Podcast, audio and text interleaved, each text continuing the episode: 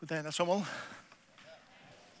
Vi hørte om uh, tvær menn som uh, vidtja i en samkomme i uh, den nærkere som det er, og andre kom nærkere til å helse på der. De kjente seg ekvelige glemt der, og de helt til jeg følte i samkomme var ekvelige avbløy at ikke kom helse på seg.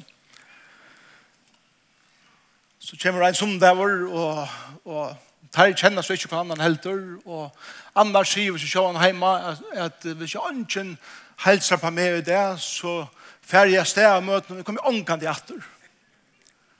Og hin sier vi så sjåan, hvis jeg ønsken helser på meg i det, så at jeg mer helser på ångkant. Og av møtene kommer til å sitte bent så leis at uh, der kommer til å sitte i åttelse bansje, og at først er rettje fram etter, så en sider av femte rettje og hin sider av satte rettje. Og møte endar, og folk reiser seg og begynner færa, og ikke et menneske som er iver er helsa. Og han som sitter framme for som har bestemt seg, sier, jeg kommer alt sin atter. Reiser seg opp, han sier, så klarer han for et sted, og ut til han reiser seg opp, så klarer han for et sted, reiser hins seg opp, og han rattar håndene ut, og han sier, gå han der inn. Og bare var så glæger. Hinn er at anker helse på meg, og hinn er at jeg slapp helse på anker. Og der ble han parset av samkommende, og der får jeg trøyvast vel her. Må vi være samkommende som mye gløymer at alle mennesker lunchast innast inne i sin sal etter å være satt og hørt og virt. Og en eller en fall det bare jeg gjør det er at helse bak hverandre. Og da mener ikke vi via så falskt smul og hette bare noe som man gjør, men noe som er ekta og, og som kommer fra hjertet. Jeg vet ikke hva jeg skal si det, faktisk det er så nekv som uh, som ligger meg hjertet sida. Men mega som er kommet til min atter og atter en sånn og diener og vikner er det at uh, papen min platt er at sia det er alt det er godt stor og miskunn et eller annet godt hende, eller et eller annet være avrika, eller et eller annet være kliast om. Så visste han at uh, ui, ui okkara uh, hjärsta, djupt i okkara fallna, fallna natur, og lykker hette ui okkara blå stolt og ha stor om det som vi er avrika og det er lagt å bli stolter om uh, etter som vi tar avrika, kjolten til er størst.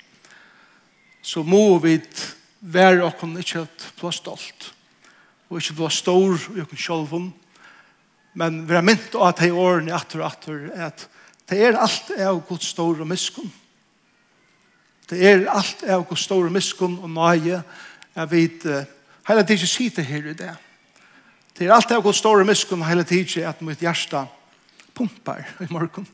Og jeg vil anta, og jeg vil kunne njóta livet. Det er en gava for gode. God røkker seg ut, eller tøtjer seg ut til okkara. Jeg gjev okkom liv. Jeg gjev okkom det som han ønsker at jeg sikker okkom vi i livet. Og må det være så, så jeg vet ånkan det gløyma det. Og på pappa, pappa, pappa, pappa, pappa, pappa, ta i du først og gjøkken tøyer i målkongt i løyvnen, krøk til ta i miskunn gods. Akkurat man tog baden krøk til seg i mamma sinna, og held det fast, ta i akkurat er vi a skje som det ikke er ordentlig kontroll av. Og så ble det eisen sier, og ta i det først og gjøkken gåa tøyer og tøyer vi vikongt, Klaim ta ikkje at hosa om Guds miskunn. Og for fest i av okken, hente hese bæg i tingene i sen. Gjør det ikke?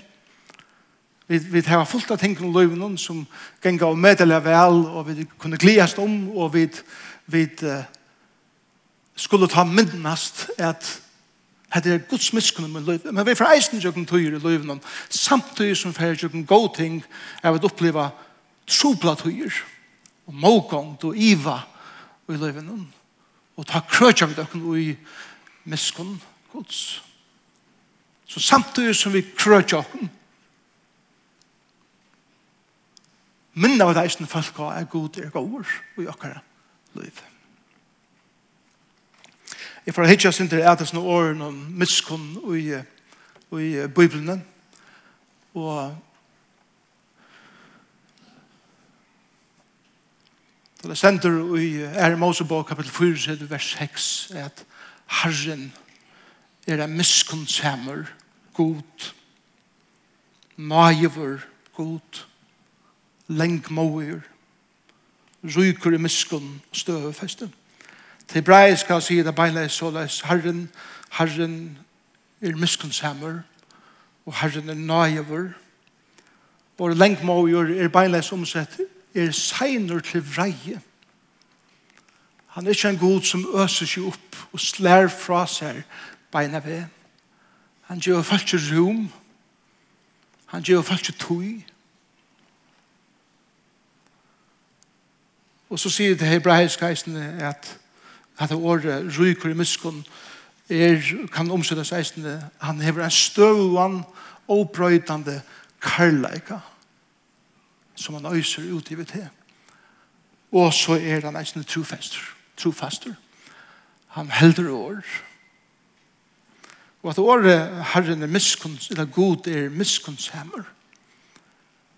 Er et år som, som på omkring måte fengt hjemme. Så jeg tar og vet ofte huksa om hva det dæmonen av nage og miskunn, så, så er det en sånn vanlig definisjon er etter at, at nage er til at god gjør okken til som vi ikke har oppebåret, og av miskunn er til at han ikke gjør okken til som vi har oppebåret. Men faktisk er det en øyla kanskje misvisende eh, definisjon på hva miskunn er. Jeg får hitje et årene og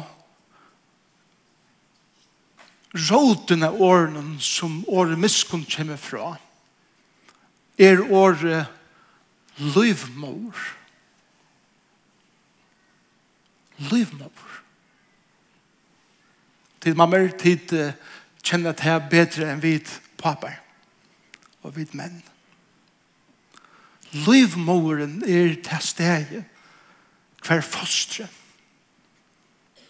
Og i jøkken tar rast og nødje måneder. Liver i trykken omstøven. Fær alt det som det tørvar til liv og eisne til at bonast og veksa og blomstra og at gjøre seg klart til å fære ut og i livet. Det er året som og det er forresten det første året det er god, Moses spyr god her god, hvor, hvor er du? Og første året som god lyser seg sjølvan vi, er året er en livmål. Er det ikke avverst? Som oftast, og i skriften, så, så har vi myndene av god som er fæger.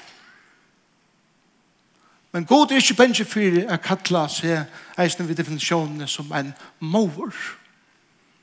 God er fæger okkara, god er mål okkara og det som god vil vise okkon, og det som han etja okkon til at vera, er at mynda og mala en mynd av god til her som vi kommer. Er god er en god som hever omsorgan fyrir tøyne løyve og møyne løyve. Og samme hatt som en mamma hever omsorgan fyrir tøyne løyve som byrjar og inne i morløyven og i løyvmorene og byrjar at vekse her beint. Det er det hjerteleie som god hever fire tær og fire mer i morgen. Og jeg vet at her er noen mammer som er på veien ved det er Ja, til blir på veien er det, til er og er det, og til er på veien. Ja, kanskje han kommer på veien det, det skal jeg ikke blanda meg på i. Men tid vita akkurat hvordan det føles. Og jeg minnes det er unnsjekk vi Gjørdes og vi Josef og Karite. At først og fremst hun følte badene sparska, eller bevega seg, og jeg rann i hvordan jeg følte, men følte jeg ikke. Så jeg at För så då komme her til till en kan man följde det åtta nå en men man följde det innan då. Och vi papar kjenner ikke hatt der. Men god ger Og så leis føler god fyrir tær og fyrir mer.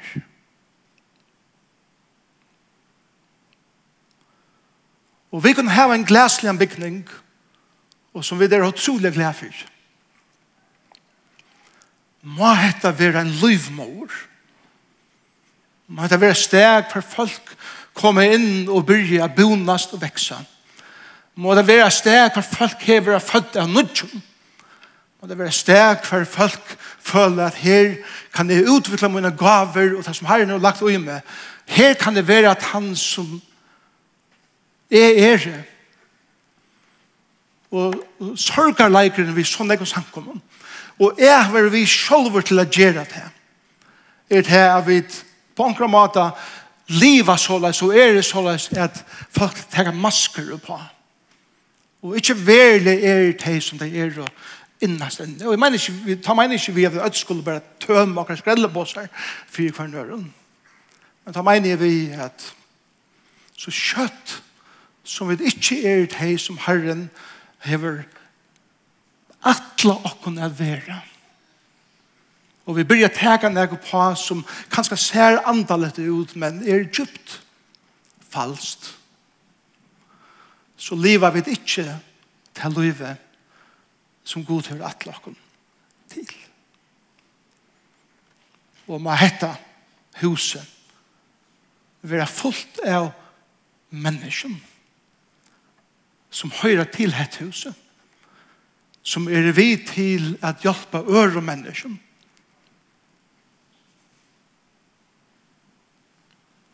Jeg trakker inn i det som god hever atle åkne livet til.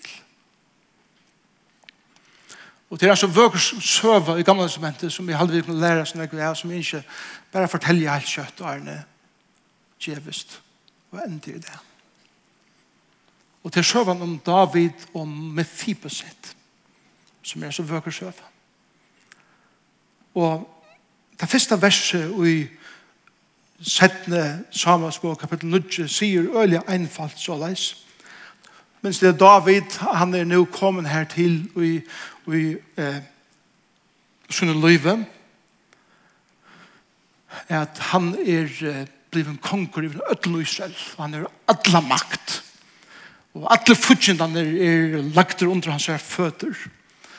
Og det er første som en konger Hvordan en heien konger gjør det, da han fikk makten av at han gjør det av vi ødel som på ankra måte kunde være en troen til hans makt. Så vi gjør noen tankongren og alt hans familie, eller råherren som er i åren, våre drypen. David, han uh, kjente Guds miskunn. Han krøkte seg i Guds miskunn i målgångt, og han glemte ikke Guds miskunn i vikongt. Og til sier David, og i første versen og i er sammanspåk kapittel 9, hes i årene. Man nu nekar vere etter er huset sals og en heien konger har sagt som vi enn kan gjøre av i. Sist fyrir at ønsken levde.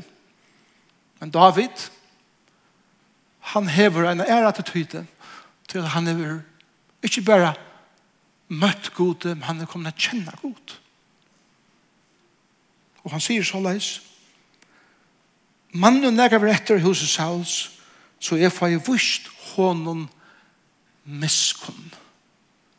Fyrir Jonathans Gud. Jonathan var pappen eh, med Fibesett. Jonathan var beste viner Davids. Og han ville vise meg. måtte vi være en samkomma. Som ikke bare var hørst om god, som ikke bare sier vi kjenner god, men sier vi er kommet til å kjenne han, til han er kommet til å bygge i mer. Og må vi være folk som sier, og må vi være samkomma som er eikjent av hesen, man det enn være nækar i høyvøkene, man det enn være nækar i havnene, Man det enn vera nekar i fyrja landet. Man det enn vera nekar som syter nekar stendar, ensamallar og glömter, som vet fyrir Jesus er skuld, kunne vise miskunn. Og nei. David var en slyker, han leita i etter en høve at vise miskunn. Og, og min dreimer, min, min, min langsel for mitt egna liv først og fremst. Men eisne for akkur som sanker meg er til at jeg vil ikke bli komfortabel inni her beint. Men jeg vil, jeg vil sige at let dere nå leite etter høven at bjóa folk inn her, men ikke bare til. Let dere finne høver hva vi færre ur hesum bygningsnum, ut av gøtene, eller inn i grannaløyene, eller inn i heimene, til menneskene. er var omkring måte, og en einfaldan, simplan måte, jeg gjør folk en lytla smak av hva et miskunn god sier. Hva det betyr at jeg er et baden som føler seg trygt inn i livmårene av mamma sinne. Og ta jeg to kjemer her. Og ta jeg kommer her, så er det ikke en øtte som blir et et åpe her, men at det blir at det atmosfæren rundt om til at det er en trygg person.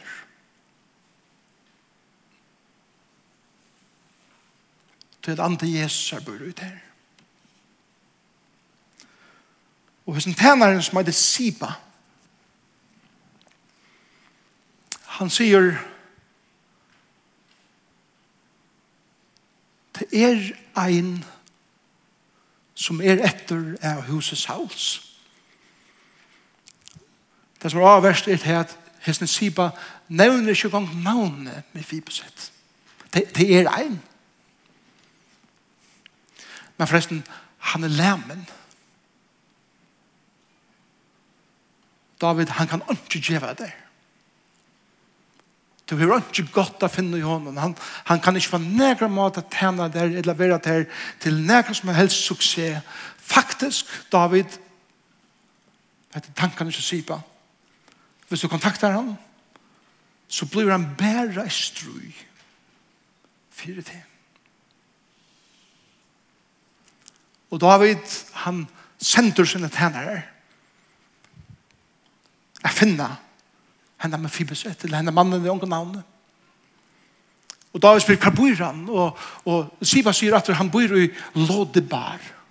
Lodebar var en liten bygd, estan fire jordanana, som, som uh, var av en steg hver ønsken og asa var der, ute i øyemørsene, og Lodebar av hebraisken betyr, det er ofruktbæra steg. Ønsken vekser, alt er torst, alt er åndsant, alt er dett, og du må strøye og strevas for at livet livet. Så her er Mavur, som, som er læmen, han er ikke navn, og han bor en sted hver alt er ofruktbart, og livet er harsht.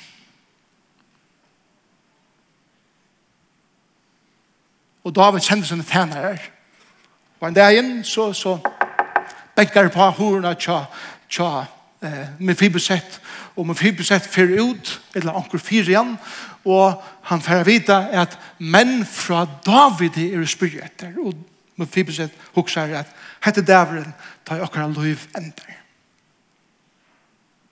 Det visste jeg ene kvar som kom fra kongen og fra noen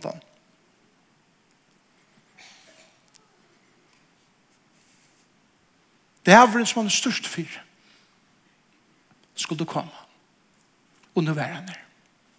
Det er læmen, det kan ikke, det har vi ikke, og nå mot liv at enda komme. Da jeg kom inn her i morgen, så sa jeg øyne ikke folk kom inn, kom inn her på en haltande. Nek var båren inn her i morgen. Feire kom i Rottelstolde i morgen. Feire kom i Høtjen. Høtjen Færre kom vi stav. Færre sa jeg, jeg hadde ho, da det var kommet halva leie innan gulvet her, men da hun ventet atter, og færre ut til henne. Så er så, ødel av åkken inni her, i lamen, eller bråten, og fruktbør. Kjenner dere veik, kjenner dere nytteleis, kjenner dere lydeverd, halte at jeg kom inn her er bare fire teg som er har nått et, et eller annet. Jeg vil hoa vende ut.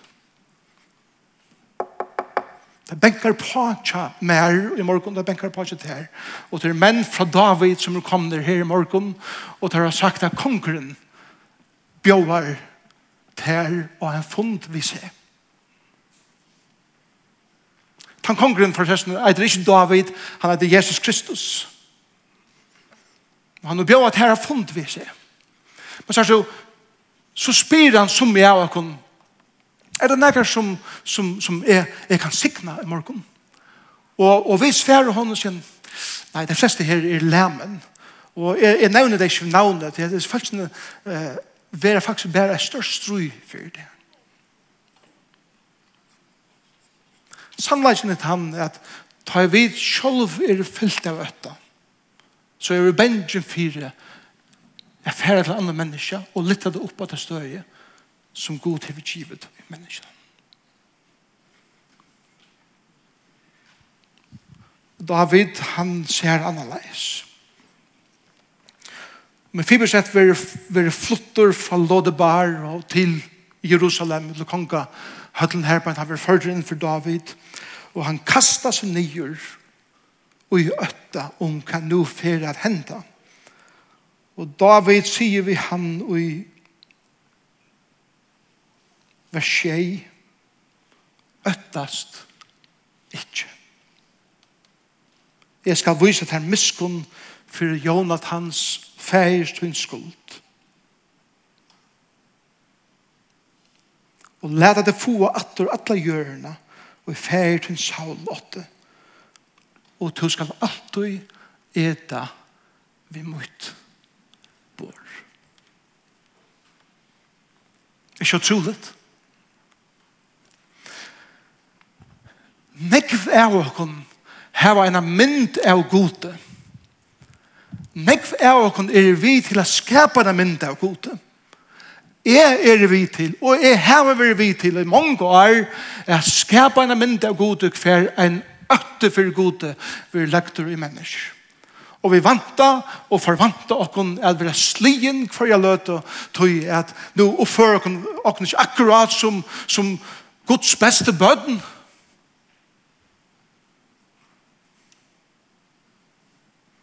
Men ta i god sjølvor slipper frem et. Akkurat løyve. Og vi kommer krupande ta for den største, den største brøyden som for fram i en menneskeliv, ta i to vanta der å være fordømt, men du først nøye i stedet. Du vanta der årene, slepp der borster, men du først årene øttast ikke. Det er brøyder et menneskeliv fram om regler og lover og ødelstingene, så viser god okken miskunn. Legg meg ikke til for at Mephiboset Legg meg ikke til vers 6 Ta jeg som er fibersett sånn av Jonathan og sånn Saul kom inn til David kastet han seg nye og anleds ut og bøkte seg Og så gjør det hva hender her brent. Og David sier Mefibeset Mefibeset Tænaren som heier en skreiva mynd av hver Mefibeset vær nevnte han ikke engang ved navnet men David som sa forboi heter å være læmen og det som var avmarska nevnte han ved navnet navnet tjaken er tøytningar mykje Navnet hever nekka vi okra karakterer gjerra. Vi er stolt av okra navnen. Da onker sier skarft navn ved meg, så vi har rett og sier nei. Jeg heter ikke så, jeg heter... Og, og, og jeg lafta sier folk med meg, hei Jakob. Og jeg vet at jeg er så god Jakob, så, så rett jeg ikke. Så sier jeg ofte, ja, ja, Jakob er fantastisk, men jeg er jekvann, eller? Eller så gjør jeg ikke. Men til, til nega uttøy at, at tutt maun er tuttningar ikke Og God kjenner til vi navnet. God kallar til vi navnet. Tog jeg til personligt. Og David visste tuttningen av navnen og av personen som heit misse sjålan borsi løyven og sa seg ønske verda den løyven. Og David byrjar litt han opp i å sija, først har vi bjådar heim, men jeg kallar til vi til navnen som du best. Og legg som mest til hva med Fibuset sier vers 8. Da kastet han seg nye ratter, ærefer, og han sier, kveder tænare tøyen at du venter til til en deian hund som er?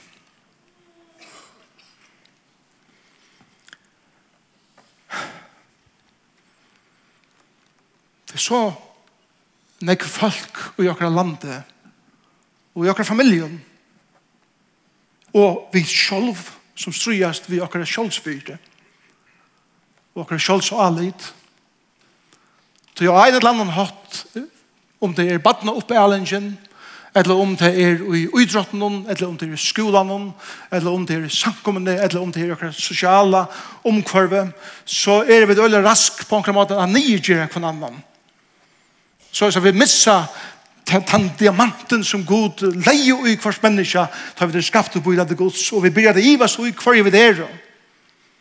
Og vi kommer her til, som Fibus er kommet til sin løyve, at det er ikke bare verdur enn en hunter. Hunter og hesten døm var ikke hustur som der er i det. Og vi lytter vi hunden, og vi lytter spela vi tar og kjell dem. Hunter var og dyr, som var råkna i middel råter og, og, og var helt lengt borster. Det var vire som med fibesett hei bankra mata og i djøkken til som var ferdig i djøkken i livet lagt av seg selv. Og jeg vet at hun sitter her i morgen. Jeg vet at hun sitter her i morgen. Og grunnen til at jeg vet det er til at jeg føler meg mennesker så selv. Og at det er ikke mer verdur enn en hundur. Og røtten er i høtten. Kjenslan i hjertene.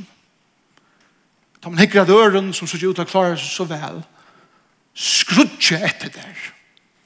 Jeg tror ikke verdt. Jeg tror er ikke verdur. Og så mye kraft i han der rødden som råper at hun sier at hun heldre ikke verter eller vert for god.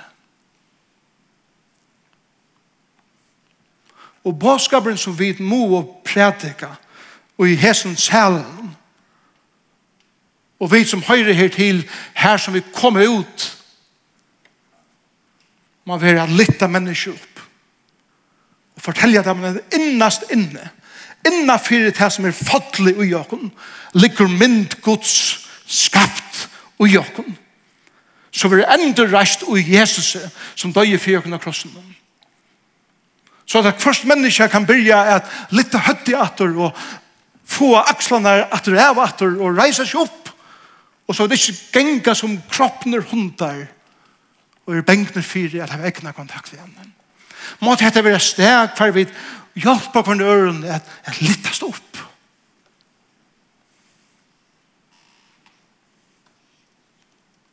Til god til å gjøre til verden. Til det. Miskun leiter etter, eller en miskun som personer leiter etter at vise øren miskun, og at finne høver å gjøre det. Miskun reker øttan borsters. Miskun brøyter okkara sjálfsmynd og sjálfsfyre til det vire som god har lagt ui okkon. Og så gjerne Miskun er alltid gavemild. His maver som bor i Lodebar lemmen. Det benker på dittna sjaman. Og fra vidda fra menn fra, fra Saul, nei, fra David er kommet til tunn. Han fyrir kong. Han Øtten vil tidsen borster. Kjolsvire vil litt opp. Og David sier vi han med fibersett. Jeg kjente pappa din. Jeg elsker pappa din. Jeg kjente pappa din. Han var også drøyer. Han la meg etter løyvene. Men det, det skal du ikke gjelda for. Alt det som pappa din åtte, tror jeg at her Da søvende kommer her til er bæge Jonathan og Saul drippner i krutjen. Og David sier vi med fibersett alt det som Jonathan Pablen åtte og forresten alt det som Saul åtte alt jøren, alt landet, alt kreatørene skal to eie. Og så sier han, og forresten, Siba, to som ikke engang nevnte ham i navnet, to skal være tænaren kommer Fibeset. Du skal teka der av honom, ötlen hans herra, ötlen landen og ötlen kreaturen. Det skal tu ordna. Du forresten mavren lämen. Tek to der av det. Hentan dagen ta og i med Fibeset helt at nu er mitt liv liot, Vær en endurreister til å bliva ein som kunde njóta alla de sikningarna som David öste inn i hans herra liv. Men så han enda ikke her. Så sier David med Fibuset. Tror vi du har flyttet til Jerusalem fra Lodebar. Tror vi du har organiseret ditt liv så leis at vi kunne sitte til bors sammen kvendt det og eda sammen. Hugsa det kunne. sundag morgon, kongshøtlen til David, var han derfor å møte i løvdene, var han derfor i en temple, Amman, den eldste badgen, den eldste soner Davids, kloker, latter i sinne, kommer inn i medarhøtlen og han ser seg ved båret, og sier han kommer Joab. Joab var livvergen til David. David vel timmar med over, fotler i arron fra Bardaon, hva han er varst av vid, og han seder seg til bors, og alle har respekt for, for hånden tar han seder seg. Joab var en Bardaon med over. Så han kommer hesten og medelig vekre med overen. Lenge han egen er glekva, Absalom. Ammon hikker etter henne og sier, hei, bare se, du er godt ut som du er. Og han selser til bors. Og så kommer han annar bæntur ur bogashavnen. Han sitter her, han granskar, han skriver. Han skriver årtøk. Han eitir Salomon. Og han selser eisen til bors. Kanskje nær David. Og öll tida ta vi tamar. en vekra. Latta. Akslan er framme. Egen er klekva. Og han ser seg til bors. Bajan er hijjad henne. David. Og kanskje hever jo opp ho at sier, kunne, vi, kunne vi bry et henne? Og David sier, boja. Til at alle har ikke sett seg ved bor igjen. Og det er boja. Ja. Og høyre anker som er lengt nirre i kongsborgene etter til lange gongene som gonger nian til medarhøtlene, så høyre det være.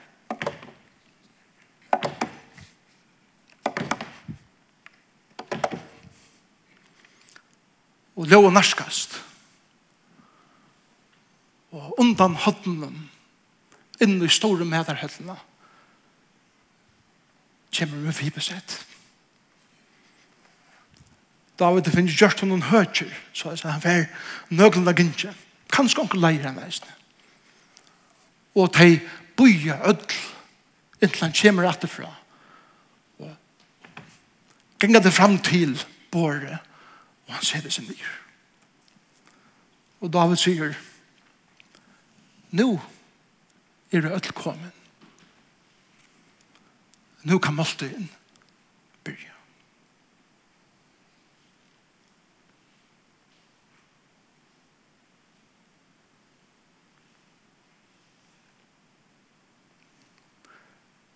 og i Guds huset.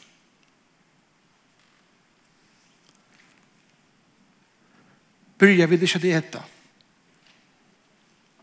for en ødler er kommet.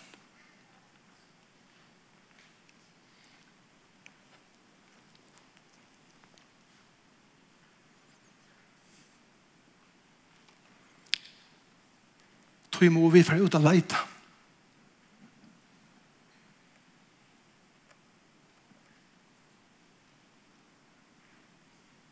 bojeren er fotler av folk som er lemmen. Bojeren er fotler av folk som er øttast. Landet er fullt av mennesker som er mest kjølsfyrre.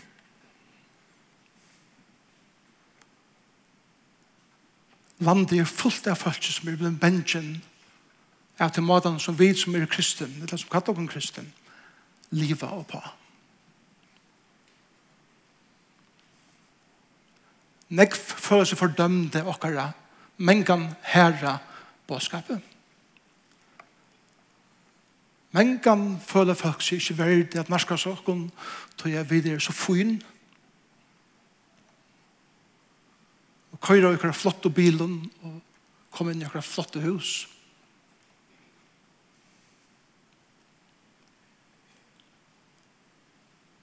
Og ta i alt her byrger jeg blir at det som vidt bytja okkara andalega liv på.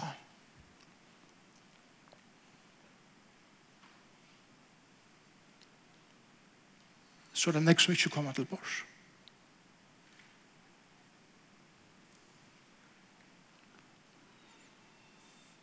Vi må være livmåler. Og vi må ombå en god som sier, jeg er en feir og en mor som innskjedd omfenne et mennesker.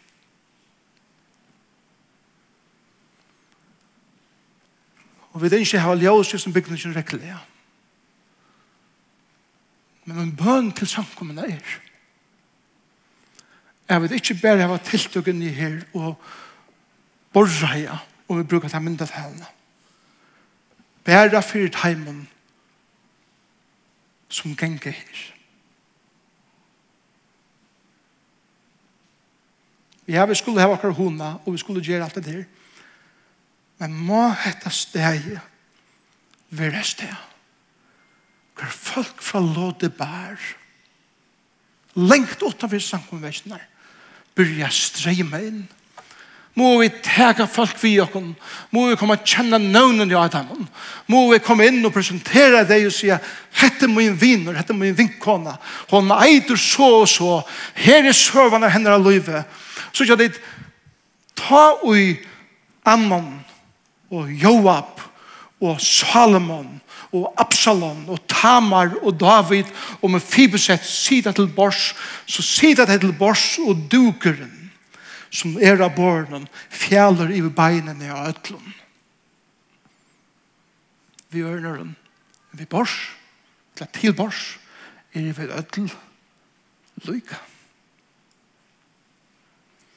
men det er øyne avhversk hvordan kapitlet ender Han endar øyla einfalt så leis. Og han, altså med fibersett, var læmen og i baven fot. Vi er han venta. Tror jeg at sjalt om vi møta herran og vi i hessen bygningsen og hessen hessen sankumne vi boa glede på skatt om Jesus Kristus. Som god sender til jer er at bjøve okken heim til søgn. Og ta i det som er kjenne Jesus, så er akkurat båskap ikke hesen, at så får alt det være godt.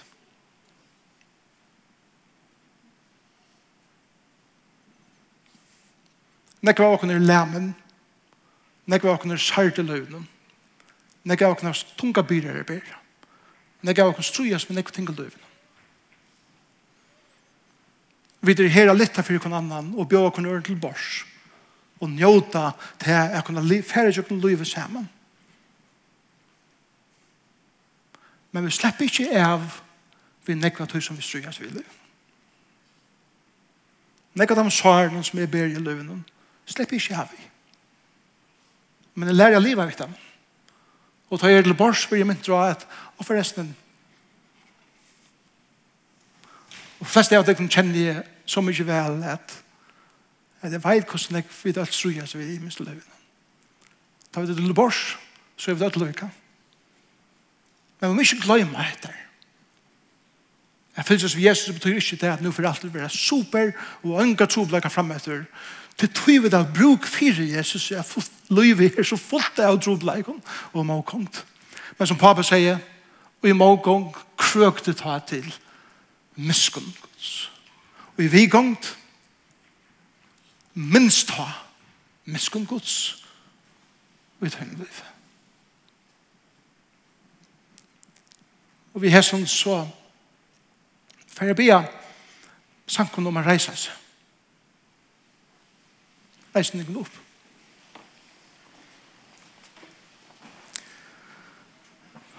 Og jeg har yngst at, at vi uh, nå ser man og i kjøkken av bøn som, som jeg kom i at jeg bia akkurat som ikke bare uh, innvå jeg hendet selen til så vi reisen i halvdien gjør det. Men da må jeg vel her at bjøve herren velkommen. Her er her lengt når vi kommer her. Det er ikke han som bjør oss velkommen og spyr hvordan alle tiden var livet her. Men det vet at symbolet er ute i korsene. Og jeg får spyrja og bare om du vilja, bare om du vilja standa sølhets. Da er jeg by. Pusher det bare nå, men da er jeg by.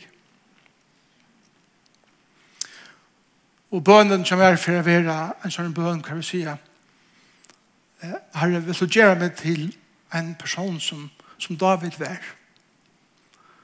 Og David var en sånn person som var tøy at han krøkte seg til Guds miskunn i mågånd, men han glemte ikke Guds miskunn i vikånd. Og ta, ta i vidt bia seg bønna, så, så er det som å si, Herre, vil du gjøre meg det som er tørver til at være såleis. Og til det eneste som både ute i trønnsjen mistest og ute i. Bare at jeg er mot. Og jeg vil takke deg om for at du kom her i dag. Og jeg vågne at, at vi kunne fytle denne bygningen. Kvann som det er. Og til alle tiltak som vi har. Vi nudger folkene fra Lodebær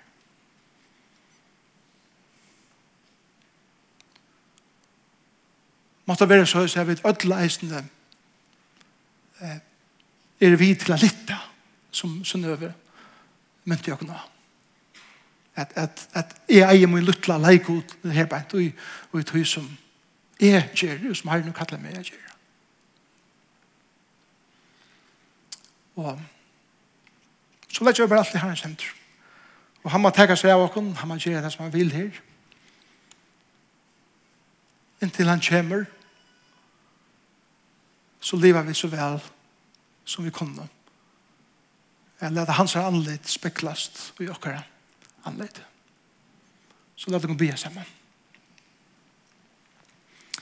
Og Jesus vid er jo en sankoma som og det er utrolig takksom og utrolig glede om jeg vil komme her til. Men vi dreist i ei mjuk, har vi hatt okkur bursu fra stoltleika.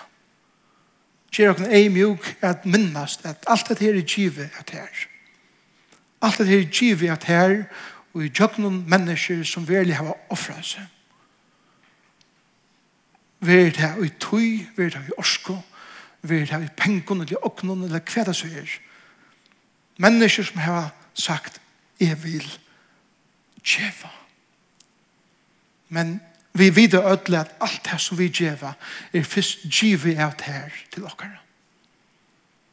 Og tog er vi det mjuk. Og tog er vi takksom. Og her vet vi er en sankumma som er full av med fibesett. Vi er lemmen, vi er benjen, Vi har skreiva sjolsmynd, vi har skreiva godsmynd. Vi strujas vi negve løyvenom. Og tog krøyja vi dere ut her. Men samtidig som vi er med fibersett, så er to eisen giv i okon høve eisen jeg vil at David samtidig. Hva vi sutja hva vi er, hva vi er, hva vi sutja hva dere givet, kan vi sutja at her som okkar giv er til er sikna ånder vi. Og her som vi nu halda bara okkar hendur helt roliga ut fra bujunum.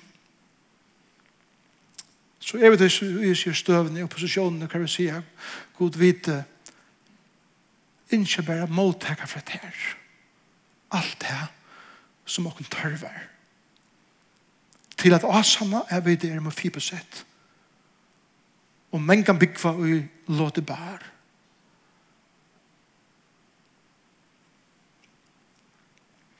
Hjelp åkne teka maskene av.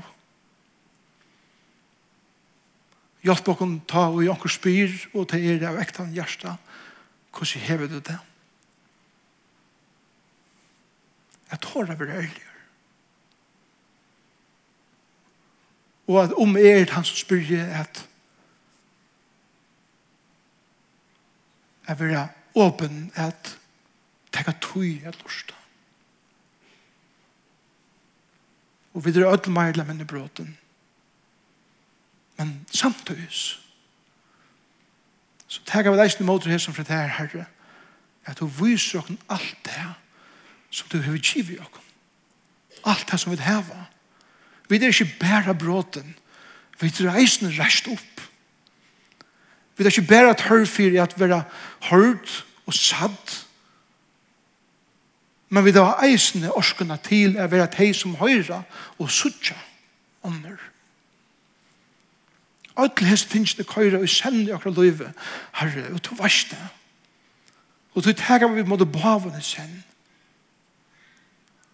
Vi kvarsta vera teg som har bruk, fire, og vi kvarsta vera teg som djeva. Djeva. Og jeg bier for Jesus samkomne, jeg bier for en og kvarjon som er inne her i det. Og tar av familien, tar av kære. At du sikna deg. Og jeg er ikke eisen i det at jeg bier for ødlom arbeidsplassen og skolen som de som er inne i her arbeider i, eller kommer i. At hun hjelper oss at være akkurat her som vi tar oss om det her. Her som vi kommer. Og så blir Herre om til en varvarsle over, alt det som gonger fyrir seg inni her. Og Herre, jeg ønsker det eisen at, at, at minna til at hei som, som har hørt til samkomne her, men, men av ene land han hatt er færen, kanskje skuffeie, kanskje sært, men eisen er flott. Herre, det blir om at du vil være vidt heim Jeg ber for timen som, er, som kanskje er her og andre har sørst. Eller som er skuffa i, eller hva det så er. Herre, om det er ångast han har kommet, jeg ber meg til å dreie deg atter inn her. Inn ut tar heim. Eller om det er ferdig er jeg sanker med at du sikna det her. Eller om det er bostur i øren London, at du vil varve deg her, herre. Og så blir jeg eisen nå for ødlund heimen som enn ikke har vært inne her, og som får blive en pastor av hese samkomne og hese familien. Her er måtte de kjent tyna meskund. Måtte de kjent at de er omfevnt av en karlagsfotlen god. Vi blir tyna varvarslig iver alt som gonger fyrir fyrskinjer. Vi blir tyna varvarslig iver bygningen, Jeg ber om sånne varvarsle om alt det arbeid som ender etter å gjøre her, her. Hugg som folk som klatrer opp under loften her, bare at ungen ålokka hender. At dette må være et trygt sted og at han nått. er så nye bygget denne sykken ikke vil eit hvert menneske i det. Og jeg tærs deg for det møveleikan. Jeg vil sammen. Og i Jesus navnet sier vi det til sammen.